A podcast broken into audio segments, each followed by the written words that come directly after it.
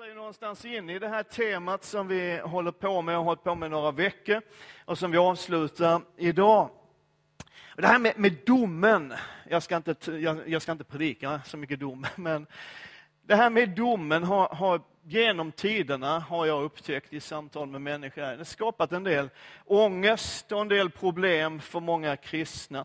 Och en del har undrat, liksom, ja, men den här domens dag när allt ska prövas och det som är av hö och strå, det kommer att brinna upp och vad blir det kvar och är jag verkligen riktigt frälst? Eh, kanske lite grann det beror på att, att till viss del att förkunnelsen genom tiderna ibland har presenterat evangeliet mer som ett hot än som goda nyheter. Eh, det fanns en bild, jag bestämde mig för att inte visa den, för den är, den är för satirisk för er, ni är så känsliga. Nej. Men jag tänkte spara tiden och stå här och berätta vad som fanns på bilden istället. Det tar mycket längre tid. Det finns en bild som florerade på sociala medier för, för ett par år sedan.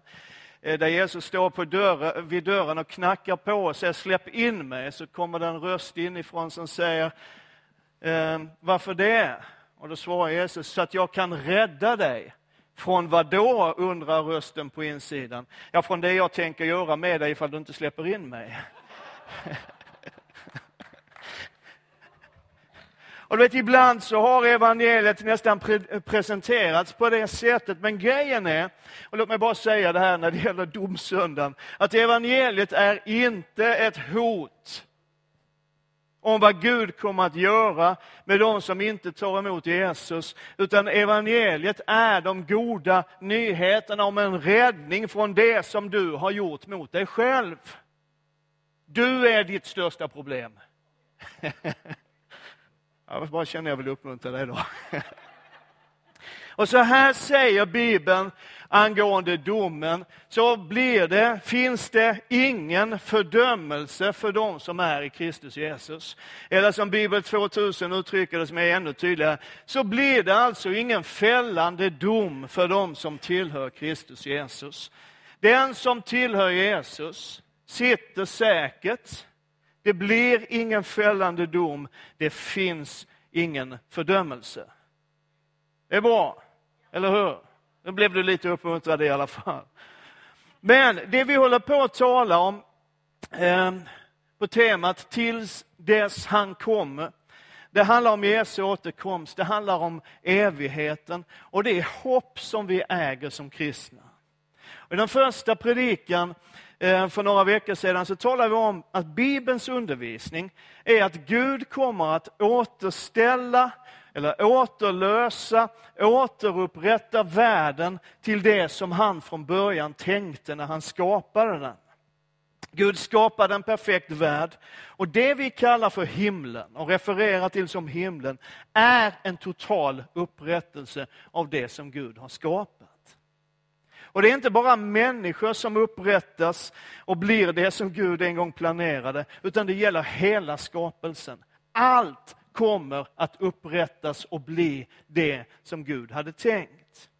Och vi sa också då att, att himlen och evigheten är inte i en stad någonstans ovan molnen, utan den blir här. Himlen landar i den nyskapade världen, den nyskapade jorden. Och Gud skapar nya himlar och ny jord, låter den himmelska staden som kallas det nya Jerusalem komma ner från himlen till den här jorden. Och så lever vi i evighet tillsammans med Jesus. Wow! Och förra söndagen så predikade Peter Ulveström bland annat om hur vi ska läsa och förstå Uppenbarelseboken. Det är inte konstigt att det var årets hittills längsta predikan, som jag tänker försöka slå det rekordet idag. Eh, nej, men jag skulle vilja spinna vidare på lite av det som som Peter talade om, hur läser och förstår vi Uppenbarelsebokens texter? Innan jag svarar på en del av de frågor som faktiskt har kommit in, en del ganska sent, men de kom dock. Vi som har varit med ett tag, vi som var med, det var inte jag, på 50-talet, men vi som sedan var med, för det var jag, på 60-talet och 70-talet. Vi har lärt oss på något sätt att Uppenbarelseboken eh, ska vi se på som en kronologisk, en linjär förklaring om vad som ska ske i ändens tid. Och så fanns det sådana här planscher där man liksom kan följa varje moment på det här sättet. Så. Och jag skulle idag vilja presentera ett lite annat sätt att förstå och läsa Uppenbarelseboken. Jag säger inte att det sätt som jag presenterar idag är det enda sättet. Jag säger att det är ett sätt att läsa Uppenbarelseboken. Och det är det sätt som jag själv allt mer och mer, jag skulle säga nästan totalt, har kommit att luta åt under senare år. Därför jag menar att om vi läser Uppenbarelseboken linjärt, som en kronologisk berättelse om hur och när saker och ting kommer att ske, så riskerar vi att missa huvudbudskapet i boken. Och låt mig helt kort, eh, så kort det nu blir, försöka visa varför jag tror att en kronologisk förståelse av Uppenbarelseboken leder oss fel. Får jag det? I det sjunde kapitlet, det här är bara ett exempel, det finns många, men vi tar ett. I det sjunde kapitlet i Uppenbarelseboken så beskriver Johannes hur han ser stora skaror av människor inför Guds tron. Det står i det sjunde kapitlet, den nionde versen. Därefter såg jag och se en stor skara som ingen kunde räkna av alla folk och stammar och länder och språk de stod inför tronen och inför lammet klädda i vita kläder med palmblad i sina händer. Och så frågar en ängel, han som visar Johannes de här synerna, frågar Johannes om han vet vilka de är, den här stora skaran. Och Johannes svarar, lite rädd för att svara fel, så han säger, ja du vet det. Så. Och så säger ängeln så här, då sa han till mig, det är de som kommer ur den stora nöden, de som har tvättat sina kläder och gjort dem vita i Lammets blod. Så i det sjunde kapitlet, jag tror du håller med mig om det, i det sjunde kapitlet är vi i himlen, inför Guds tron, eller hur? Och där står människor och lovsjunger och prisar Gud. Är du med mig? Är vi överens om att vi är i himlen i det sjunde kapitlet? Bra. Fem kapitel senare, i det tolfte kapitlet, finns berättelsen om en kvinna och en drake och ett barn. Kvinnan är havande, det är dags att föda. Och då står det så här. Och draken stod framför kvinnan som skulle föda för att sluka hennes barn så snart hon hade fött det. Och hon födde ett barn en son som ska styra alla folk med järnspira. Och hennes barn rycktes upp till Gud och hans tron. Kvinnan flydde då ut i öknen där hon har en plats som Gud har berett för henne så att hon får sitt uppehälle där i 1260 dagar. Jag vet ingen teolog eller bibelkommentator som inte tolkar den här berättelsen i det tolfte kapitlet som att kvinnan är Israel. Draken är Satan, det står det lite senare att det är dessutom. Barnet är Jesus. Jag vet ingen seriös bibelkommentator som, som tolkar det på något annat sätt. Men när Jesus föddes till den här världen hände ju innan kapitel 7. För kapitel 7 har inte hänt än. Är du med? Jag kan fortsätta lite grann. Direkt efter berättelsen om kvinnan och draken och barnet så kommer en beskrivning av hur draken, Satan, blev utkastad ur himlen tillsammans med sina följande änglar. Det hände ju i skapelsens början. Eller hur?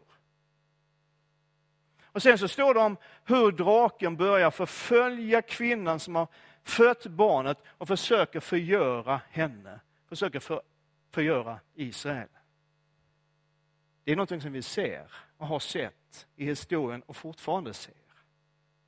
Och när han inte kommer åt henne eller barnet så börjar han istället strida, står det i slutet av det tolfte kapitlet, mot hennes övriga barn. De som lyder Guds bud och håller fast vid Jesus.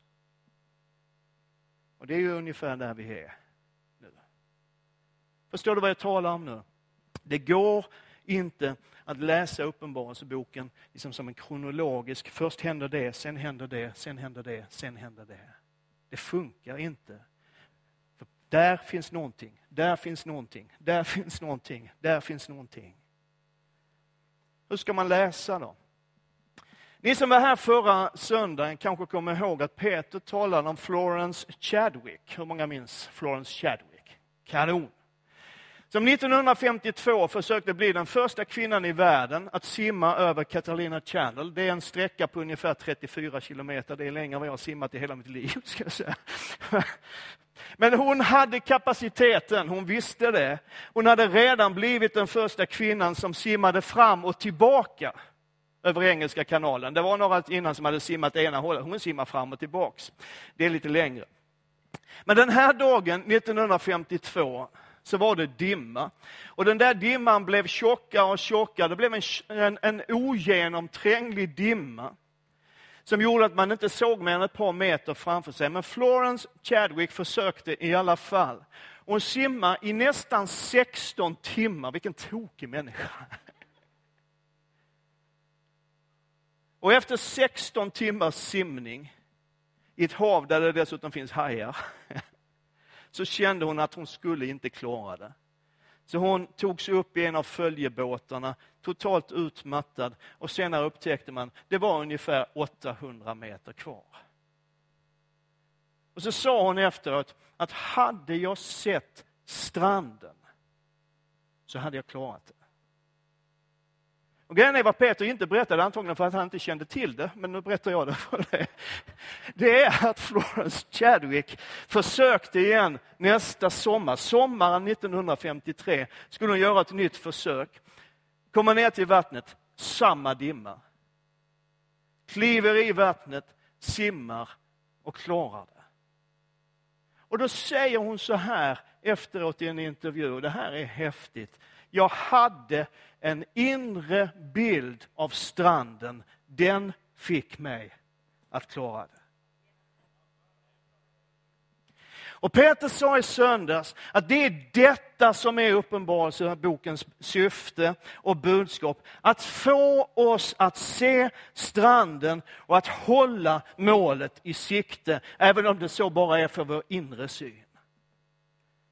För Johannes beskriver en lång rad företeelser i den här världen som vi mer eller mindre redan är ganska bekanta med. Lite grann beroende på var vi är födda, vilken bakgrund vi har, hur våra liv har sett ut, så har vi sett och upplevt mer eller mindre redan av det som Johannes uppenbarelse beskriver för oss. Man skulle kunna säga så här för att koppla ihop det med berättelsen om Florence Chadwick, att Johannes i sin uppenbarelse ibland beskriver dimman. Det som vill få oss att ge upp. Det som vill få oss att tappa blicken på målet. Det som vill få oss att förlora hoppet och tron på att det kommer att gå. Han skriver om krig, han skriver om svält, han skriver om ekonomisk kollaps, han skriver om tilltala, tilltagande ondska, och han skriver om förföljelse. Men mitt i detta, mitt i allt detta, så ger han också bilden av målet. Är du med? En ny himmel och en ny jord.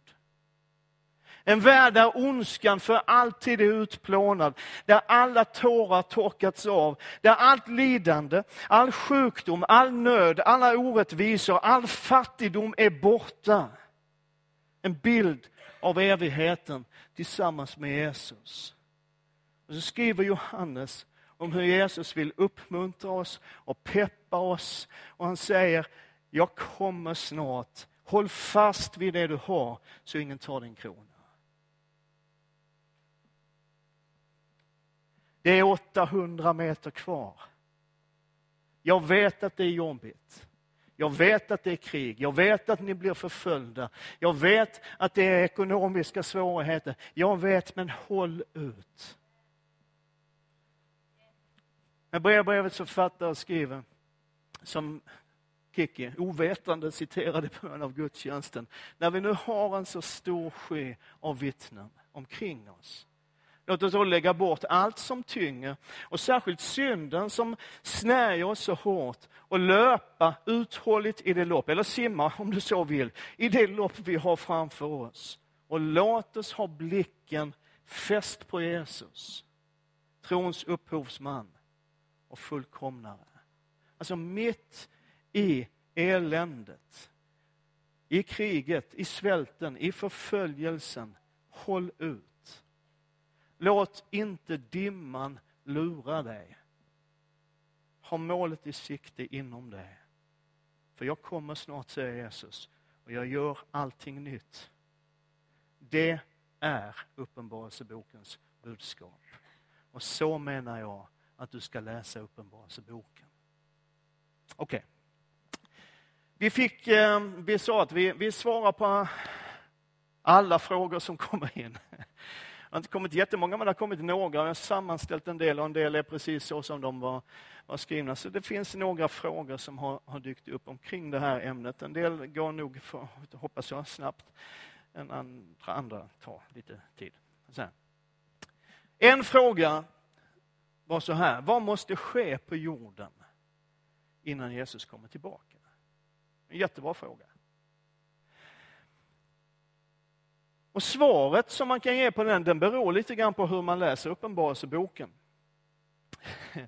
För om man menar att den ska tolkas kronologiskt, linjärt, eller om man ser den som en mängd nedslag i världshändelser utan någon exakt kronologisk ordning som jag förespråkar, så blir det lite grann olika syn på det. Ser man den kronologiskt beror också svaret på vilken kronologi man håller sig till. För det finns lite, det finns väldigt många ska jag säga, det finns förfärligt många teorier omkring det. Men grundläggande, jag ska svara så kort jag kan på den här frågan. Grundläggande vad Bibeln säger, för att Jesus ska kunna komma tillbaka så måste han ha fötts. Eller hur? Han måste födas, dö och uppstå. Det, det är ju liksom vad Gamla testamentets profetier till väldigt, väldigt stor del handlar om. Massvis med profetier i Gamla testamentet som beskriver de händelserna. Vi ska inte gå in på alla dem.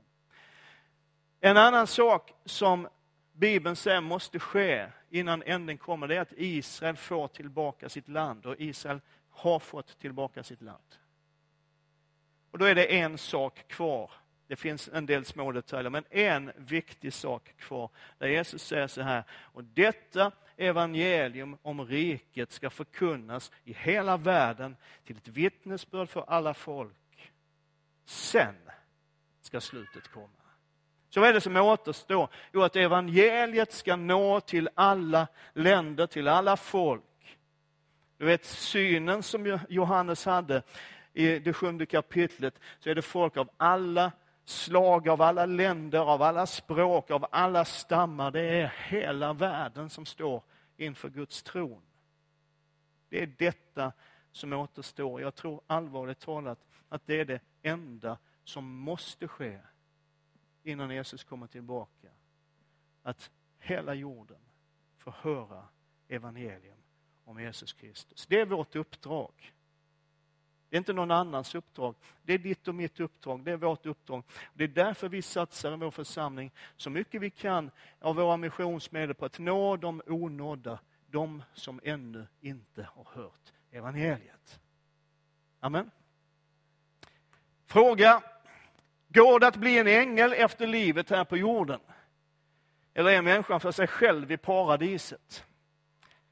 För det första så vill jag säga, vi får inte förväxla, jag var inne på det förra, förra gången jag predikade, vi får inte förväxla paradiset med den nya himlen och den nya jorden. Det är två olika platser. Det finns en plats dit de som somnar in i tron på Jesus kommer efter döden. Jesus säger till rövaren som hänger på korset bredvid, att idag ska du vara med mig i paradiset. Det är en plats. Och det är det vi menar när vi säger, för att trösta varandra och trösta barnbarnen och så här, att morfar är i himlen nu. Det säger vi ju ibland, eller vem det nu är som är där. Din morfar är kanske inte där, men, men okej. Okay. Alltså det är inte den nya himlen och den nya jorden, för den nya kommer att skapas när det är dags. Är du med? Det finns inte nu, kommer sen. Det, men det, det är en detalj i sammanhanget. Men nej, en människa kan inte bli en ängel. Jag känner människor som är som änglar. Inte så många, och du är inte en av dem. Men nej, jag bara skojar. Men änglarna är skapade varelser, skapade för ett syfte. Människan är någonting annat.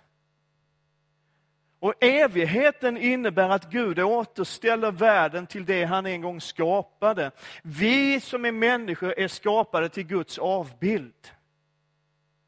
Och det kommer vi att fortsätta att vara. Och jag sa i den första predikan i den här serien, vi kommer inte att vara någonting annat än människor i evigheten. Och så är det. En människa kommer aldrig att bli en ängel. Därmed så kan man vara ganska änglalik. Jag brukar själv anklagas för det. Det står... Det står så... Ja, så roligt var det inte. Jag känner att det finns en ironi i ert skratt just nu. Hebreerbrevet 12 säger så här, ni har kommit till Sions berg och den levande Gudens stad, det himmelska Jerusalem, till änglar i mångtusental, till en festgemenskap och en församling av förstfödda som har sina namn skrivna i himlen, till Gud som är allas domare, till andarna av rättfärdiga som nått fullkomningen. Det finns en tydlig uppdelning. Änglar är en sak, vi som är människor och vi som är frälsta människor är en annan sak. Bibeln säger också att vi som tror en gång kommer att döma änglar. Just nu är vi lägre än änglarna i rang. Där, när allting är som det ska, säga, så är vi över änglarna i regn. Du hänger med det? Okej. Okay. Jag undrar, fråga. Jag undrar hur det blir när Jesus kommer tillbaka. För det står ju att de döda ska uppstå i sina gravar. Hur blir det med de som är kremerade? Då finns ju bara aska. Grejen är att jag har fått den här frågan ganska många gånger som pastor. Är det fel med kremering? Och jag vet folk som har tvekat i samband med en begravning av någon anhörig och funderat över det. Är det inte fel att kremera? Vad händer då? Och någonstans så finns ju tanken bakom det. Ja, men om man kremeras hindras inte uppståndelsen på något sätt. Och grejen är att det är ingen större skillnad vad som sker med kroppen vid en jordbegravning och en kremering.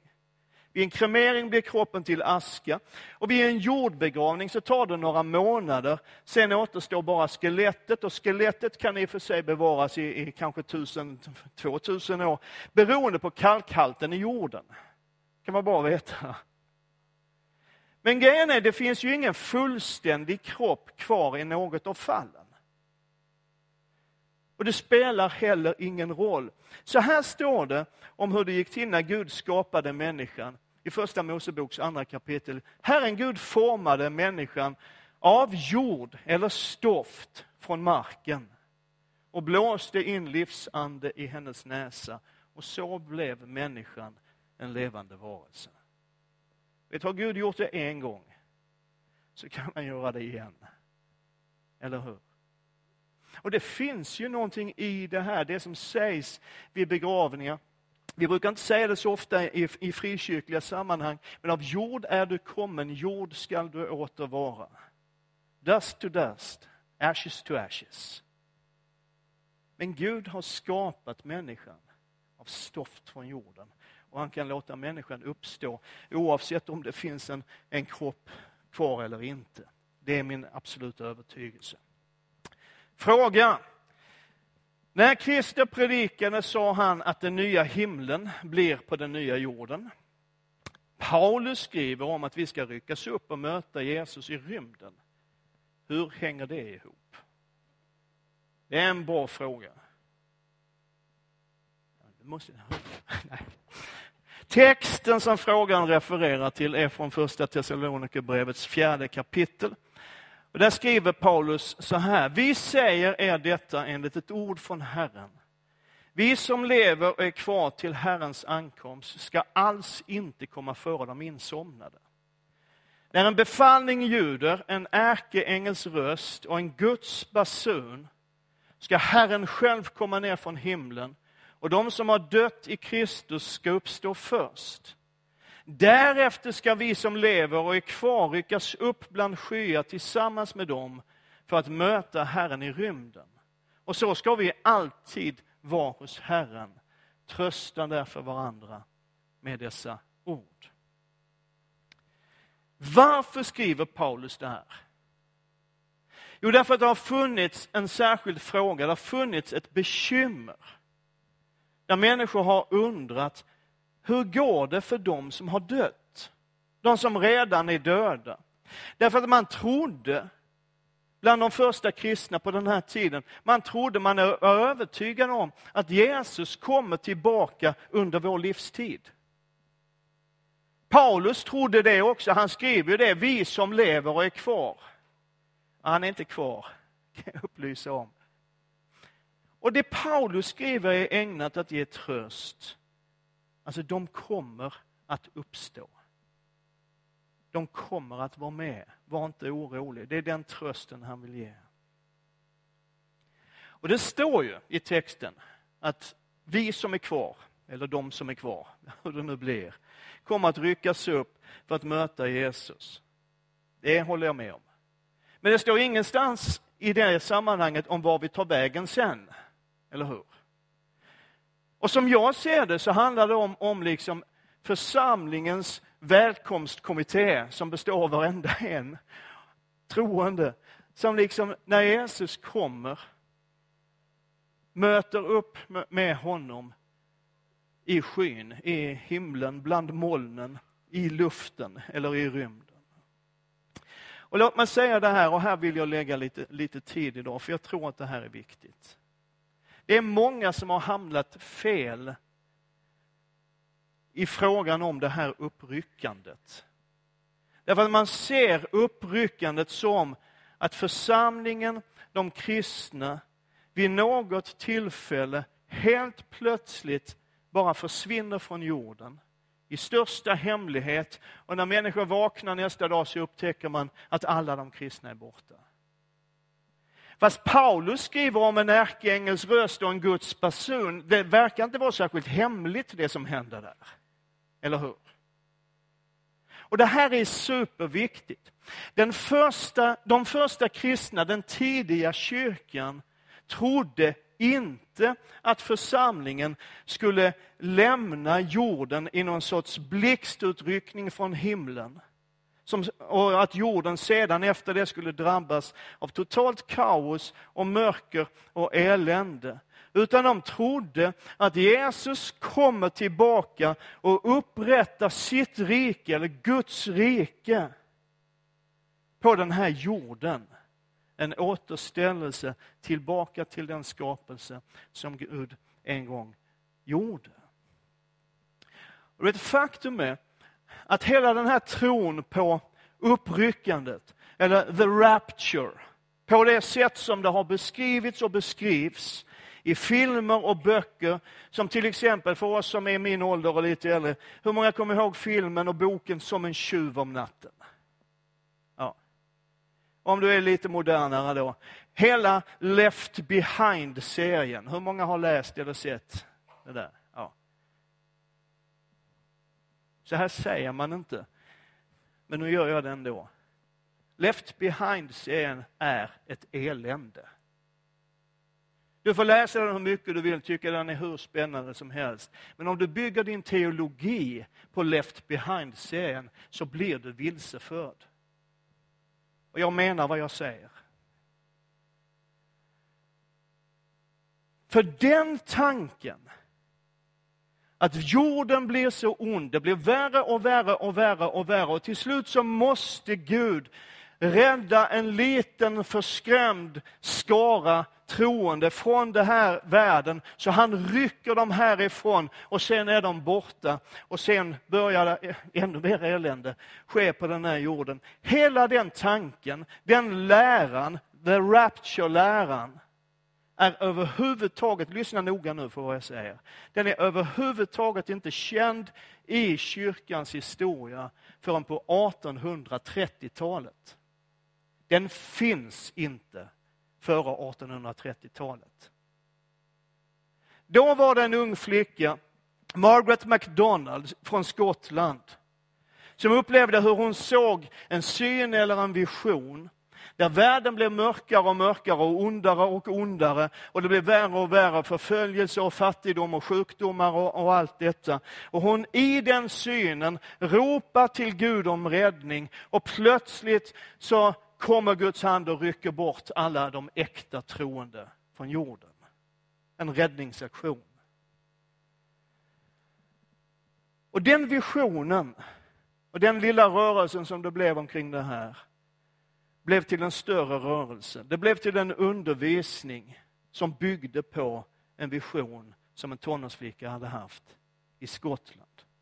Och vi tänker, ja men det är väl klassisk kristen tro. Att tro på det här, Gud räddar sin församling ur den här världen och sen så behöver vi aldrig mer bekymra oss om den. Men det är inte klassisk kristen tro. Den har aldrig förekommit före 1830-talet. Men det blev till en, en undervisning som har spritts, och den har spritts så kolossalt mycket. Bland annat av Darby, som är en av dem som fanns med i Plymouth Brethren. Och Scofield, som skrev en bibelreferens som en del nog har hemma i, i bokhyllan. Så har det här spritts så att Många av oss tror att detta är klassisk kristen tro. It is not. Och här är min poäng. En undervisning som plötsligt dyker upp. En lära som plötsligt dyker upp. Som inte har förekommit under de första 1800 åren av kyrkans historia. Tror jag att man ska vara väldigt, väldigt försiktig med.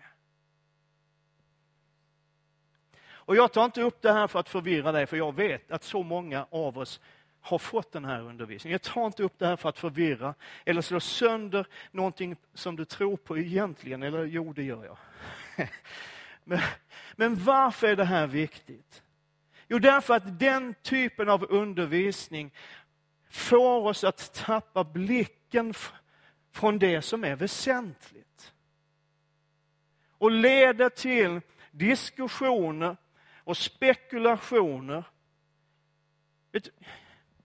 Om du visste hur många gånger jag har fått frågan från, från allvarliga, seriösa, Jesus älskande kristna, ska församlingen vara med i vedermödan, det vill säga den här tiden av extrema svårigheter på jorden, av förföljelse och lidande. Ska församlingen vara med där? Och det har blivit, liksom, det finns, finns flera olika skolor.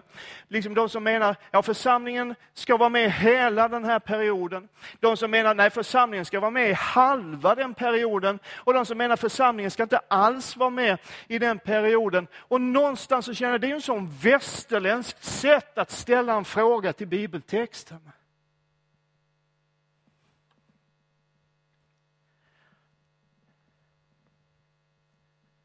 Fråga en kristen från Kina. Ska församlingen vara med vedermödan?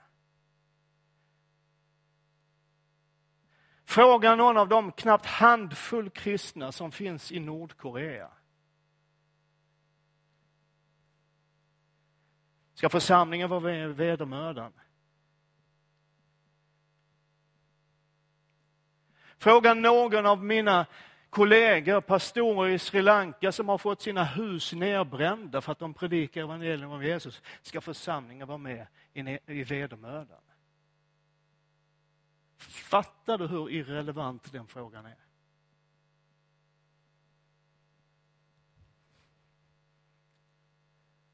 De flesta i den här världen skulle svara på den frågan. Vi är ju mitt i den. Vet, det finns inget löfte. Jag säger inte det här för att skrämma dig eller för att göra dig orolig, inte det minsta. Men det finns inget löfte att församlingen inte ska gå, vi som kristna, vi som älskar Jesus, att vi inte ska gå genom svåra tider. Det finns inget sånt löfte i Guds ord. Men det finns ett löfte att den som håller ut, att den som står kvar, att den som kastar sig på Jesus, att den som har blicken på stranden, även om vi inte kan se den, kommer att räddas.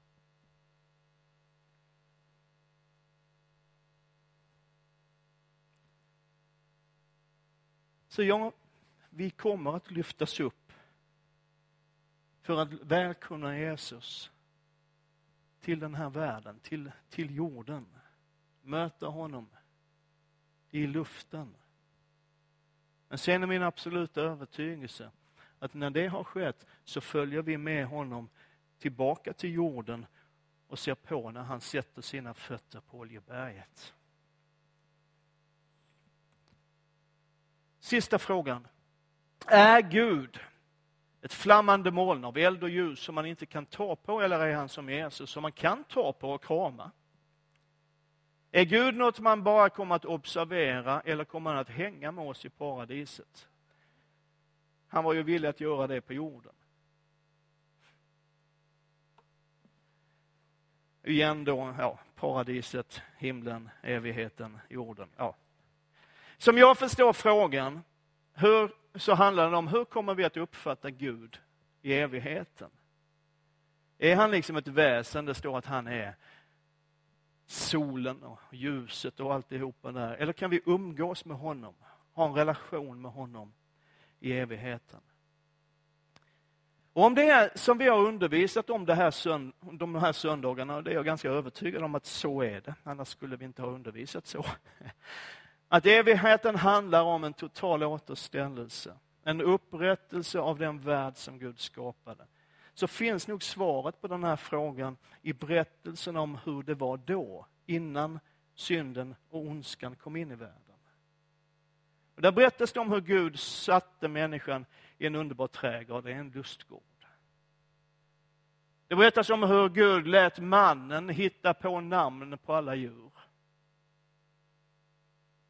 En ganska härlig bild, eller hur? Och det är väldigt tydligt att de umgicks. Till och med när syndafallet var ett faktum så står det att vid kvällsbrisen hörde de Herren Gud vandra i lustgården.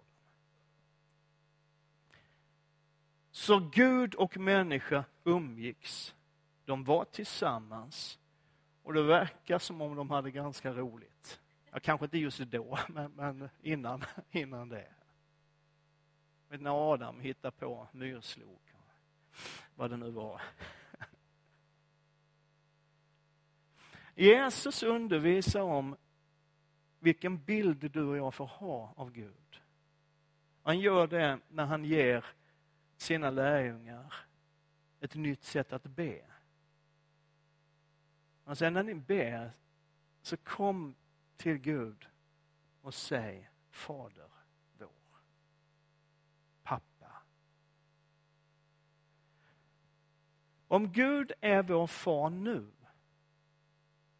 i en värld som är märkt av ondska och mörker, hur kommer det då inte att bli i en perfekt värld i evigheten?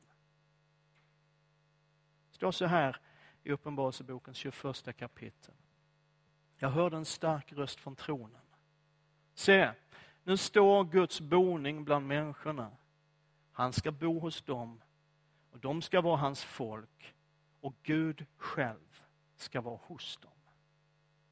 Och han ska torka alla tårar från deras ögon.